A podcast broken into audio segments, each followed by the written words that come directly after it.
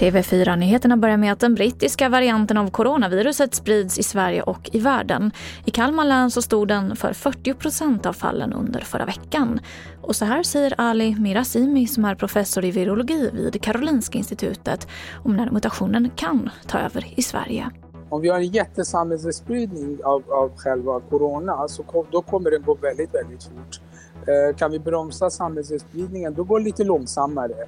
Så det, det, det, är jättesvårt att säga dagar eller veckor men definitivt veckor eh, framåt.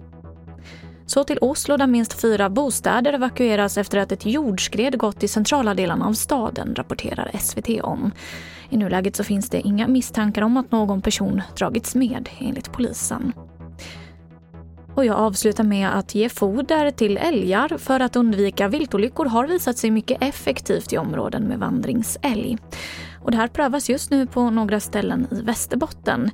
I Vännäsby, väster om Umeå, så har olyckorna minskat markant.